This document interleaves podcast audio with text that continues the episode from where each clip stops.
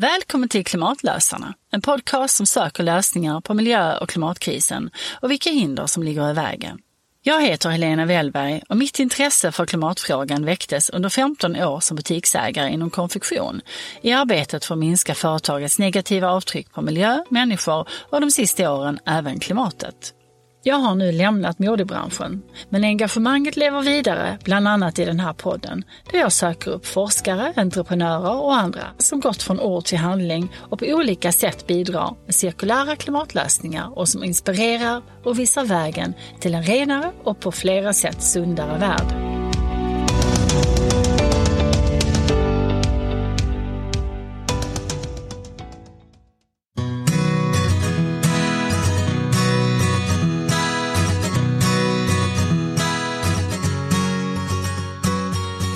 Grass and vegetation in the city should grow on all horizontal spaces.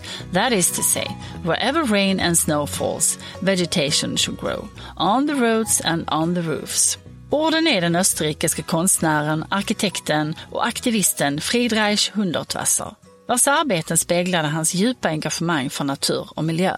Träd och annan grönska integrerades i hans arkitektur och han var en pionjär till dagens gräsbevuxna hustak och prunkande fasader.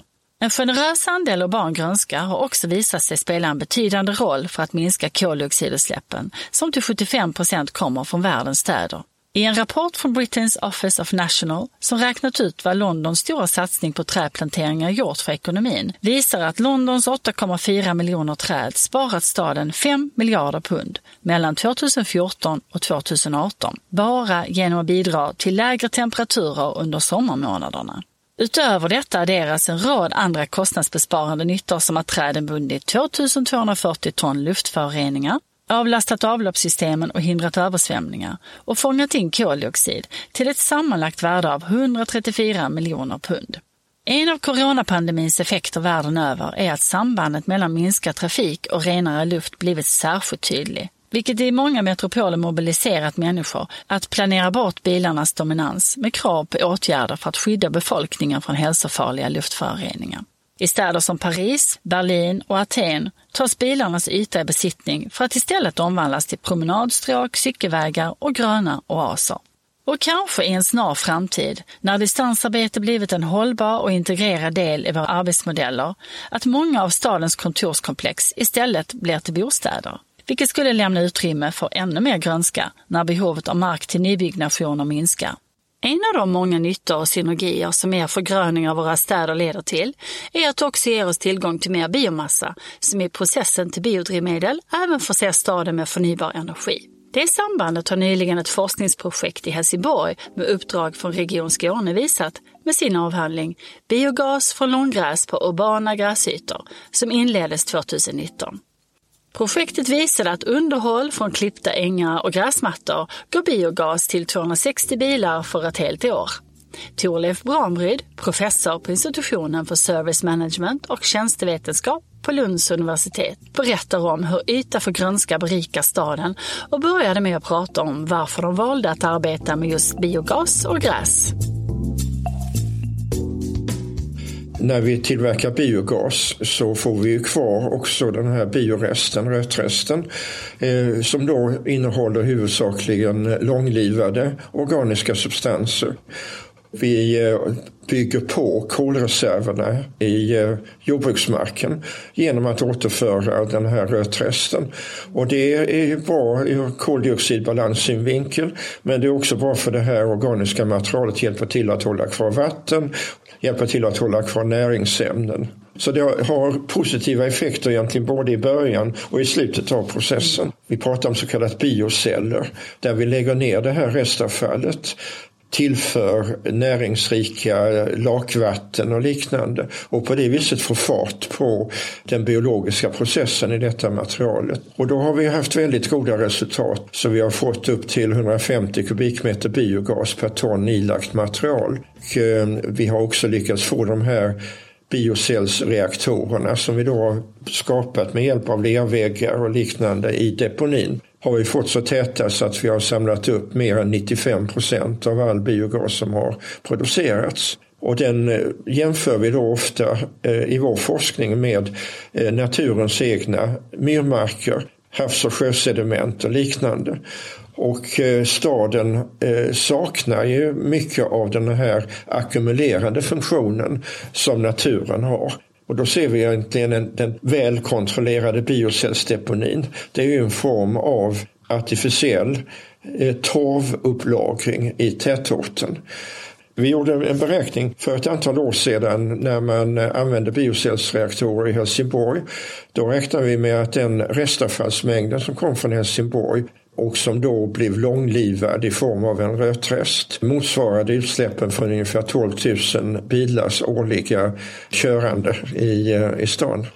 Och det är ju därför vi säger att eh, när det gäller omvandlande av vår bilflotta till eh, förnybara drivmedel så ser vi ju egentligen biogasen eh, som väldigt viktig i och med att den inte bara då är, är förnybar och icke-fossil utan också att den hjälper till att få ekonomi i att få ett kretslopp på, på näringsämnen. Eh, och att eh, få det systemet att, att fungera. Och eh, jämfört med el så är ju biogasen betydligt bättre för elen. Speciellt i södra Sverige baseras ju väldigt ofta vid högbelastningsperioder på importerad el ifrån Polen där kanske kolkraftverk och liknande har stått för, för produktionen. Så att, att få en ökad användning av biogas i samhället får ju många nedströmseffekter som vi kanske inte är tillräckligt medvetna om idag. Mm. Gräs har ju varit centralt i ert projekt. Vill du berätta mer om det? Gräsmattor har ju en större biomassa under jorden i form av ett tätt rotsystem än vad det har ovan mark. Och detta innebär ju också att eh, vi skapar en kolsänka i marken på grund av helt enkelt att rötterna då finns kvar. De plockar vi inte bort och skördar utan eh, en väldigt stor andel av den totala biomassan som då finns under jord den kommer att ligga kvar och bidra till att bilda humusämnen och organiskt material. Och det är ju väldigt positivt också att skapa de här kolsänkorna ur en eh, eh, klimatsynvinkel, koldioxidbalanssynvinkel. Man låter gräsmattorna gå upp till högörtängar och man sen slottrar på hösten eller på eftersommaren eh, så är det ett material som också är väldigt lämpligt att ta in för, eh, för biogasproduktion. Förutom er råvarumaterial för biodrivmedel mm. så kan en större grönska i städerna eh, det innebär också en massa andra positiva synergieffekter. Definitivt gör det det.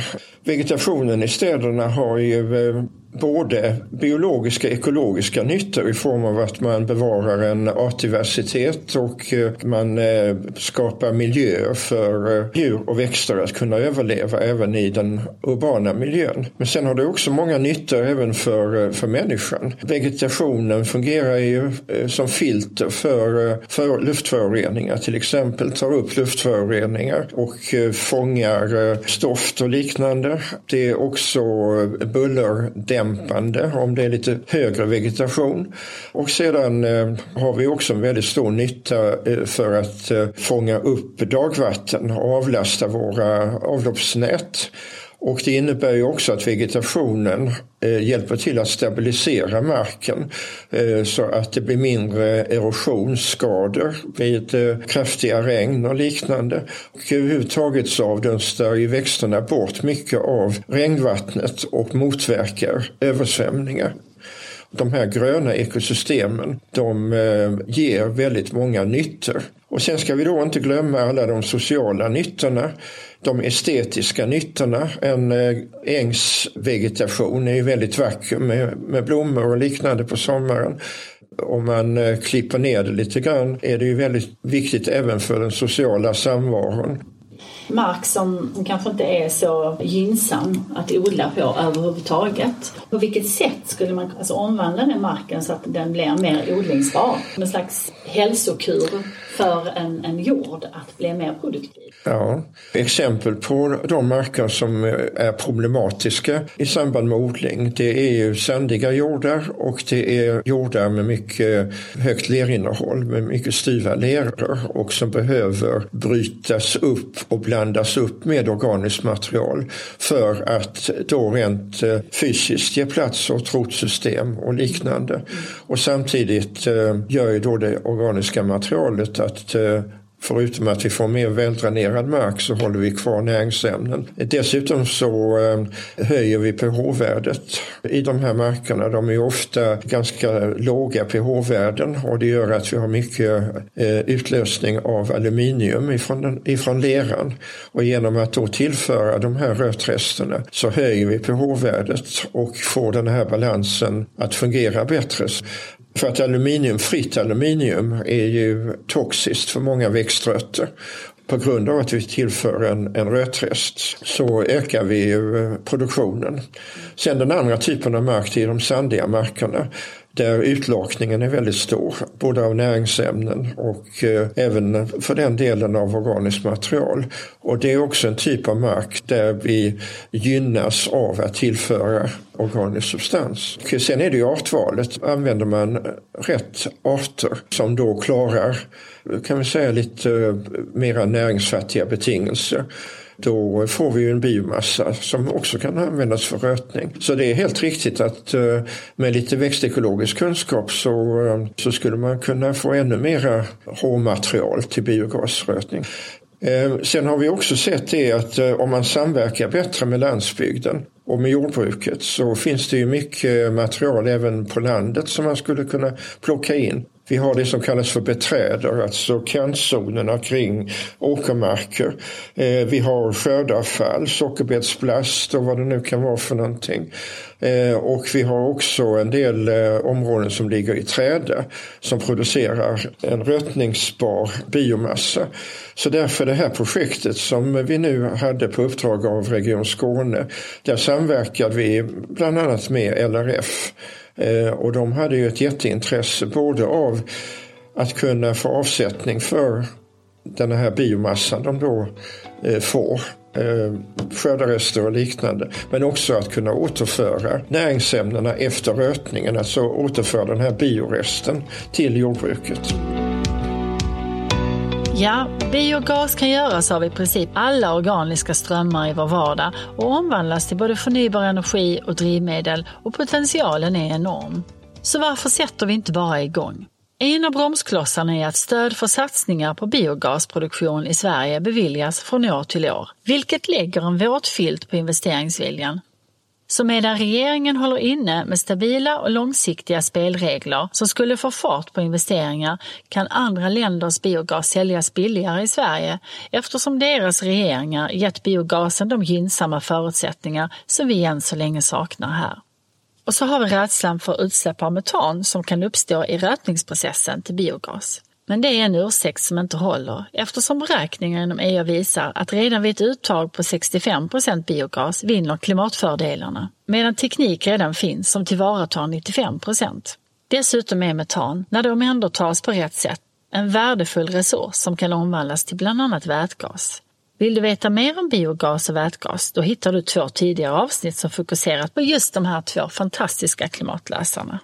I nästa avsnitt ska vi titta vidare på ett lantbruk som bidrar till en grön omställning med energigrödor för biodrivmedel och hur just den typen av växter även ger många viktiga klimat och miljönyttor. Vi ser hur EU-regler om indirekt och direkt förändring av markanvändning hindrat den utvecklingen genom en långdragen och investeringshämmande debatt om att svensk odling av grödor för biodrivmedel skulle hota skog och livsmedelsförsörjning. I avsnittet kommer vi istället se hur biodrivmedel och livsmedel kan stärka varandra i det svenska odlingslandskapet, ge jordbruket ökad lönsamhet och faktiskt kunna bidra till att mer skog kan stå kvar. Vi hörs då!